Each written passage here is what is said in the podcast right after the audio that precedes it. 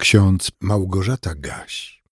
Dzisiaj jest piątek, 3 lutego 2023 roku. W księdze proroka Izajasza w 29 rozdziale, wierszu 16 czytamy: O, jak przewrotni jesteście! Tak, jak gdyby można garncarza stawiać na równi z gliną, jak gdyby dzieło mogło mówić o swoim twórcy: Nie on mnie stworzył a garnek mówił o garncarzu: On nic nie umie.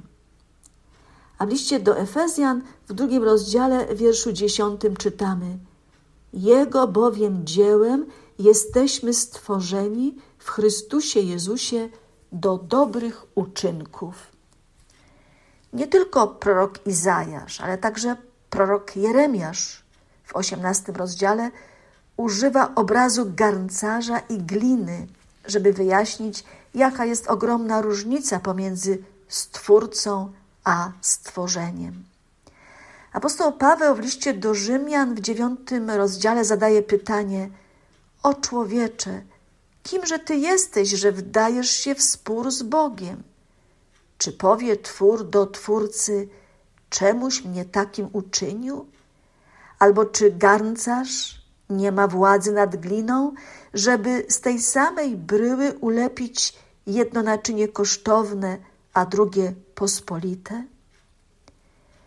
Porównanie Boga do garncarza, a człowieka do gliny w ręku garncarza chce nam wszystkim uświadomić, że Bóg, który nas stworzył, ma prawo do naszego życia i może o nim w pełni decydować.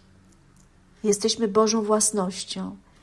Przyszliśmy na ten świat, bo Bóg tak chciał. Żyjemy tak długo, bo Bóg jeszcze nie odwołał nas z tego świata. Posiadamy pewne zdolności, pewne dobra materialne, zdrowie. Jest wiele rzeczy, które mamy i nie zastanawiamy się nad tym, od kogo je mamy i dlaczego je mamy ale jako ludzie wierzący powinniśmy stale sobie przypominać, że to, co posiadam, to, kim jestem, to, w jakim stanie jest moje zdrowie, to wszystko zależy od Boga, jest Jego darem. I nawet wtedy, kiedy wydaje nam się, że posiadamy mało, za mało, nawet wtedy mamy obowiązek Bogu okazywać wdzięczność.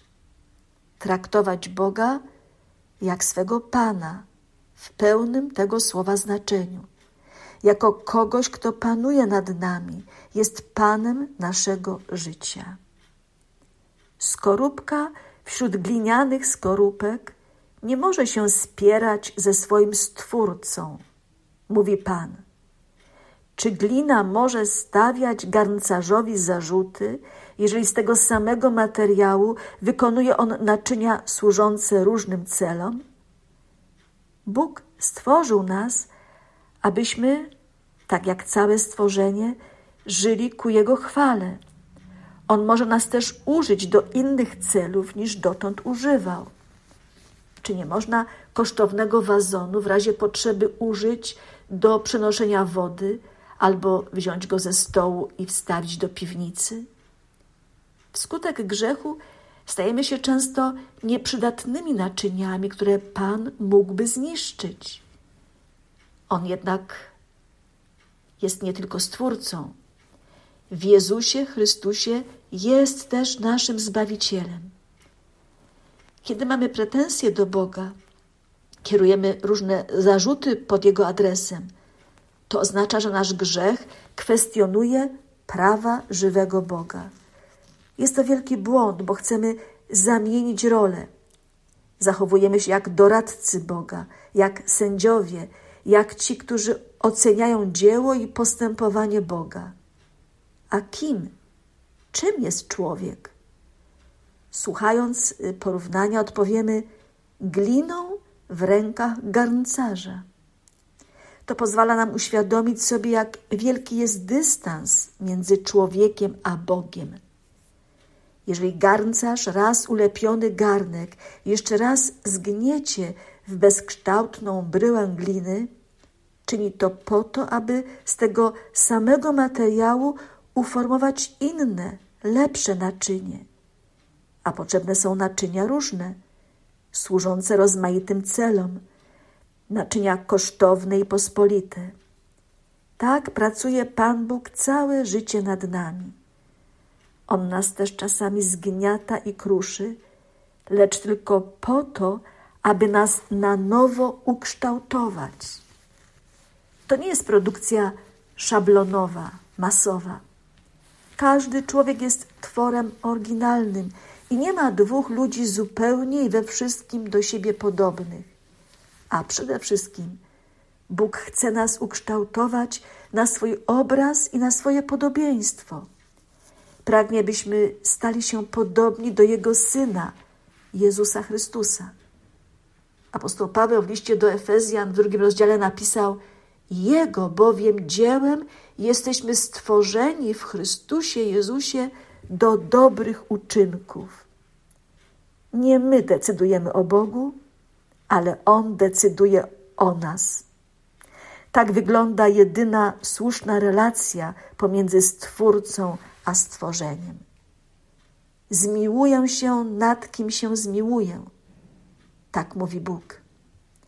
Zmiłowanie, łaska, zbawienie oto prawdziwe wnętrze serca Bożego, dostrzegalne nawet w odniesieniu do naczyń gniewu, o których czytamy w dziewiątym rozdziale listu do Rzymian, a które Bóg znosi w wielkiej cierpliwości.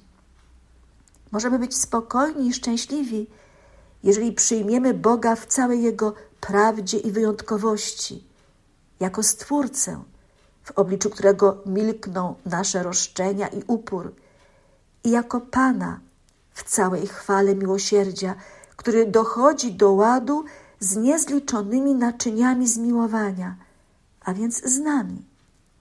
Z nami, bo nam na każdym kroku okazuje bogactwo swej dobroci i łaski. Ma w nas upodobanie, nie dlatego, że my jesteśmy dobrzy, że On jest z nas zadowolony, ale dlatego, że jest cierpliwy i dobry, że każdego z nas chce ukształtować, zmienić na swój obraz i na swoje podobieństwo, by każdy z nas mógł powiedzieć: Jego bowiem dziełem jesteśmy stworzeni w Chrystusie Jezusie do dobrych uczynków. Amen.